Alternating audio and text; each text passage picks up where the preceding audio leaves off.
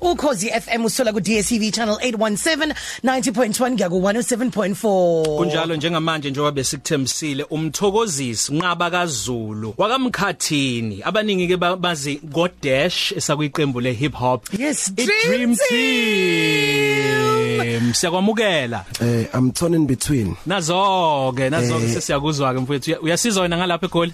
Nginizwa kakhulu kakhulu kahle kamhlophe. Lazo ke mfethu. Siyabonga kakhulu ukuthi usivakashele ku 12 to 3 cafe. Njobe ngade ngisho ngazi noma ungizwile yini ukuthi ulwesine lwethu luyi lifestyle la isikhuluma khona ngokudla la isikhuluma khona ngokuhamba amazwe sikhulume ngomculo sikhulume ngokuyiphatha ngicabanga ukuthi nawe njenge metrosexual uyazithanda uyazicwala ngokweqile futhi. Ube isithombe sihle nje sikalwesine wethu ku 12 to 3 cafe. Ngiyabonga. Ukuzama vese. Imake mfowethu ubizwa ngeultimate millennial uze wathola isicoco ngalokho kusaqala nje kusho ukuthini lokho futhi sisho ukuthini kuwena lesi sicoco? Um lesicoco lesi eh sisho izinto eziningi but nje just to break it down eh it's simply sikhuluma ngokuthi it's a young individual who's not only boxed as mhlambe eh, a musician only but umuntu ovulekile Oh, who yes. expresses himself kwizinto eziningi so he's a musician he's a TV presenter he's a designer um he's a socialite um he's a, a a metro as you would put it so basically the new generation bavulekile bane internet so they can try mm. many things kanti kuqala kwakuthiwa hayi mo udokotela udokotela kuphela mo uthisha uthisha kuphela. So the the, the millenn- millennials abantu abakwaziyo to express themselves in many spheres and in many uh, platforms. And I am the ultimate one because uh, asbaningi that are able to transition like that at a high level. And then masukwazi ukumanage ukumanage kanjani konke lokho I mean na umculo ngala iceleni na iTV yakudinga nali business liyakudinga ngala na imfashini iyakudinga ngalana futhi. And then uzama kanjani ukuthi ukumanage noma mhlambe uba ne season ukuthi ke ngizodila nalokho ngalesi sikashana noma nje uyahlanganisa yonke indawo? No no no. Eh for me eh oqala nje uNkulunkulu ongipha ama talent amaningi and I don't wanna uh, limit myself. Eh they say uh, talent is a gift from God and what you do with the talent is your gift back to him. Oh So, isiphiwe eh, i- i- i- italent isiphiwe siqhamuka kuNkulunkulu okwenza ngesiphiwo wena isipho sinika uNkulunkulu. Yebo. Iyacaca, iyacaca. em so kumina I- ang- angeke ngikwazi ukuyilimit ngiyivalele eh, icapha ivuleka. So basically eh mobuza umuntu manje uthi what are your five senses? uyakutshela ukuthi umuntu uya uyathinta uya uyanuka uyabona eh maningi there's five senses that we have. And uh, for me all of these things that I do are part of my senses. So I can't live without any. Angischeduleish mangivuka ekseni ngifuna ukwenza ingoma ngiyayenza. Mangifuna ku TV ngiyak TV mangifuna ukwenza ingubo ngiyazenza. Because for me uh, it's just the way ngi expressa ngayo and Wow. I can't limit myself. If I if I quit one of them it means nami ngi- ngiyayiquita as umuntu. Khona manje kade sihamba kade sikhuluma nomlaleli wethu ophesha ose Taiwan igama lakhe uSenzo kaMadonsela njalo ngolwesine sikusuke sikhulume nabahlukene. uInstagram wakho ayipheli inyanga nawe singakuboni usezweni elithile. Ukube mhlambe kokunye kwakho ukuhambisa ngomsebenzi ukube bengewona umsebenzi ngabe uyaqhubeka uzihambele nje uwedwa yini futhi lenhloso ngokuthi uhambele amazwe amaningi kangaka? Oh but umhlaba owethu sonke eh iAfrica yethu sonke njengoba kwenzeka lezi zinto ezenzakalayo eh we fighting for land eh we fighting against each other but only to know ukuthi umhlaba wethu sonke and the world belongs to us. And ku important ukuthi u travel as umuntu uwazi ukuthi abanye abantu baphila kanjani bacabanga kanjani yini inkolo yabo and why they think like that. Because as umfana okhule entuzuma eh intuzuma is not the end all and be all of life. You know what i mean? So impela iphelele entuzuma ayiphelele entuzuma so ukuze nami ngikhule as umuntu ukuze nami ngikwazi ukuthi eh ngifundise abanye abantu i have to go out there and learn eh ngitravel and i would say um ngiye America ngiye England and even up abroad la nganyuka la eAfrica. And izinto engiyifunde kulabo bantu kuhle ukuthi ngikwazi ukuyithatha ngiyifake nami emsebenzini lo engikwenzayo. You know uh, i've got collaborations with foreign nationals um in in music. I've got collaborations with them in clothing in fashion. So eh siyakhulisana as abantu and it's important ukuthi usebenzisane nabantu. Never think wena lokho wenzayo ukwenza wedwa and ufuna uhlezi uvalela abantu. Usiyakhulisana. Umthokozisi mkhathini simazi ngo dash khona manje useyibiza ngozulu mkhathini. Sixoxa naye kwi 12 to 3 cafe. Ake sigwinya mathe mfowethu sobuye sixoxe nawe.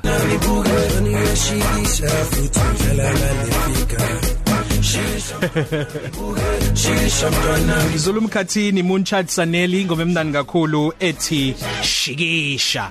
Yintsha shale hayi yona esanda ukuphuma ke manje nje. Sikhiphe nge women's month nje just ukuthi osisibethule ingoma yabo abazoyidansela bejabule bebe happy. Futhi nisebenza ngokuthembana niyathanda manisebenza ndawonye no Moonchild Yes mina uMunchild eh, I call her my energy wife she calls me energy hubby eh ngokuthi nje sinaleyo nto ukuthi masisebenzisana eh ngeke nje uzifembe mm. i chemistry yethu ihlangana kakhulu ise stage masisebenza studio eh nje masihlezi nje sihlale sixoxela we always touching on izinto ezi important ezisijabulisayo. So ukusebenza noMunchild i blessing so ungasho ukuthi kubalekile kuba khona komuntu wesifazane mhlawumbe khona ingomeni yakho njengamanje. And then ungathini wena Zulu umkhathini kulaba ke abasebenza nabantu besifazane njengoba usho ukuthi ngichitha isikhathi esiningi ndawonye se stage se studio anikhulume nezinye izinto. And then umuntu wesilisa ke masebona leyo advantage ukuthi ah nakho yalapha ya sengamthola lo. Ngingamthatha ukuthi mhlawumbe singene ekamerweni senze izinto zakhona e, engafuni mhlawumbe ngizama ukumvalela ezintweni ungathini kahle kahle nalento nje yenzakala eningizimu Afrika nje ngamanje yeah man um for being ikhulise uma wami nosisi wami ngikhulisa abantu besimami and indlela engiyiphatha ngayo is because of them. Bangifundisa ukuthi ezindoda kufanele uyihloniphe and futhi ezindoda kufanele ubanakekele abantu besimami you know? Um uh, ukusebenza no moon child and that's why ngivulele leyo nto ukuthi kule culo le women's month ngisebenza no moon child ngasebenza no Dick Leonce uyena lo oshutha izithombe and then i styling yenziwa futhi ulinda umuntu wesimami so into ebesifuna ukuthinta ngayo ukuthi ukukhombisa ukuthi nabantu besimame they are powerful ba strong nabo bayimbokodo but they are good kwizinto abazenzayo. And sekufuna isivalue lesikhathi sokuthi no abantu besilisa kufanele behole more noma abantu besilisa bakanje banje eh i gender equality is important ngalesikhathi samanje because eh siyafana kule misebenzi esiyenzayo. And sometimes uzothola ukuthi abantu besimame are even better eh kunabantu besilisa kwezinye izinto. Em so kufanele sibambisane ukuze sikhule eziningizimu Africa and into engiphatha abhlungu kulento eyenzeka manje is ukuthi em inkinga ayikho kwabantu besimami inkinga ukuthina kwabantu besilisa and ithina as abantu besilisa kufanele silungise eh ithina as abantu besilisa kufanele sazi ukuthi hawu usisi wami lo mm. eh uma wami lo ugogo wami lo inganyami le ungabuki ngokuthi mhlawumbe umuntu ekhule kwamakhelwane eh masu umbuka ngelinihlo. For understand ukuthi lo owakini njengoba umbona owakini and ayikho right ukuthi khona abantu abathinta ngisho nabantu abasemndenini and it's not right.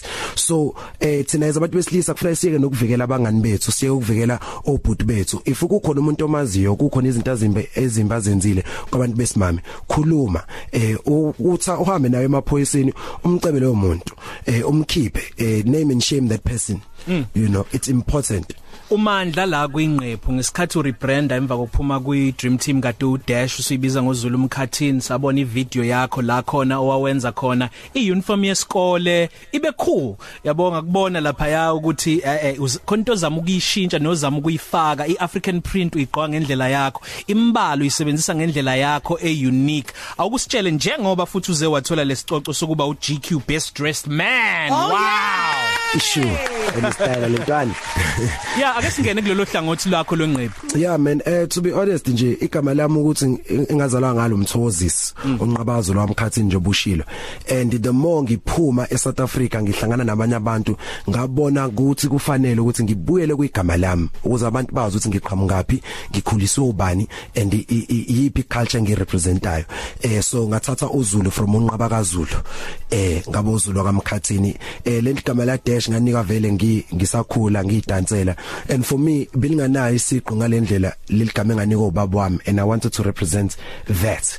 Um ungena kwi fashion for me ngikhule ekhaya ingekho imali ukuthi ngithengele ingubo lezi bengiyithanda so isikhathi esiningi sahlangana nabangani saqale sahlanganisa sayithungela ama shirts sayithungela ama bluwe silokho sifunda nje sifunda ukuthi ingubo kufanele zakhiwe kanjani zenziwe kanjani ukuze ngifike manje eh, and work with global brands eh collaborate nabo is because sebe understand ukuthi iAfrican style nengubo zaseAfrica from ifabric yethu itextile yethu ama pattern ethu eh they just as good as apersia if not better you know. Eh, and isikhathi sesifikile ukuthi thina as abantu base South Africa nase Africa to embrace that siphushe abantu bethu sibaphushe to a high level ukhombisa ukuthi instead of ukuthi uphume endlini uhamba uyothenga iGucci noma uhamba uyothenga iLouis Vuitton bakhona omaXhosa bakhona oRich Mnisi bakhona oKhosi Inkosi bakhona oZulowski eh owazula umkhathini uZulowski ukhona. Eh phuma usupport abantu bangakini not because owangakini kuphela but izinto zabo zinhle. Yeah, and that's yeah. why ne GQ ifike iqhamuka ukuthi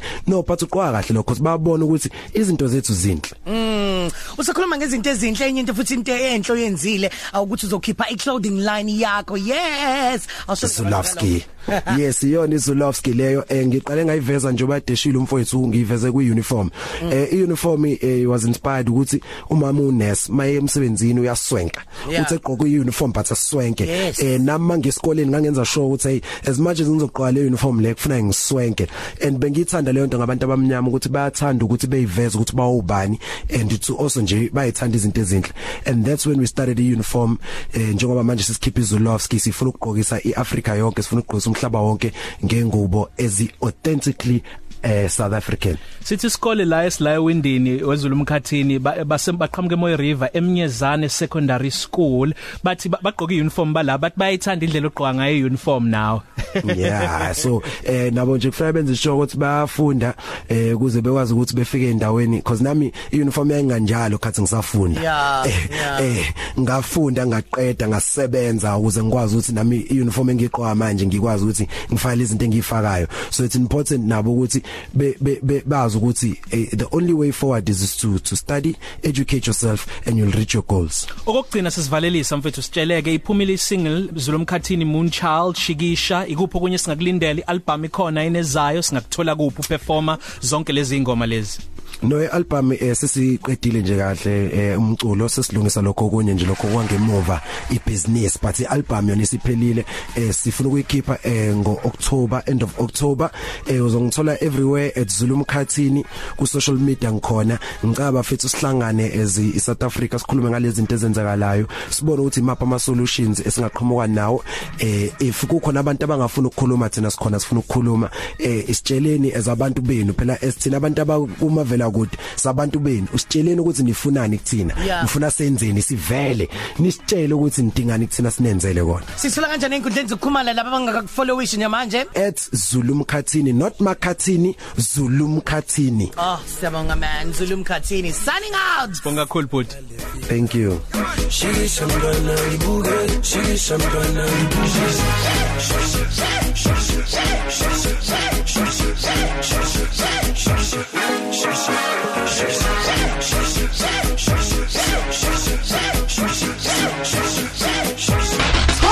Cafe.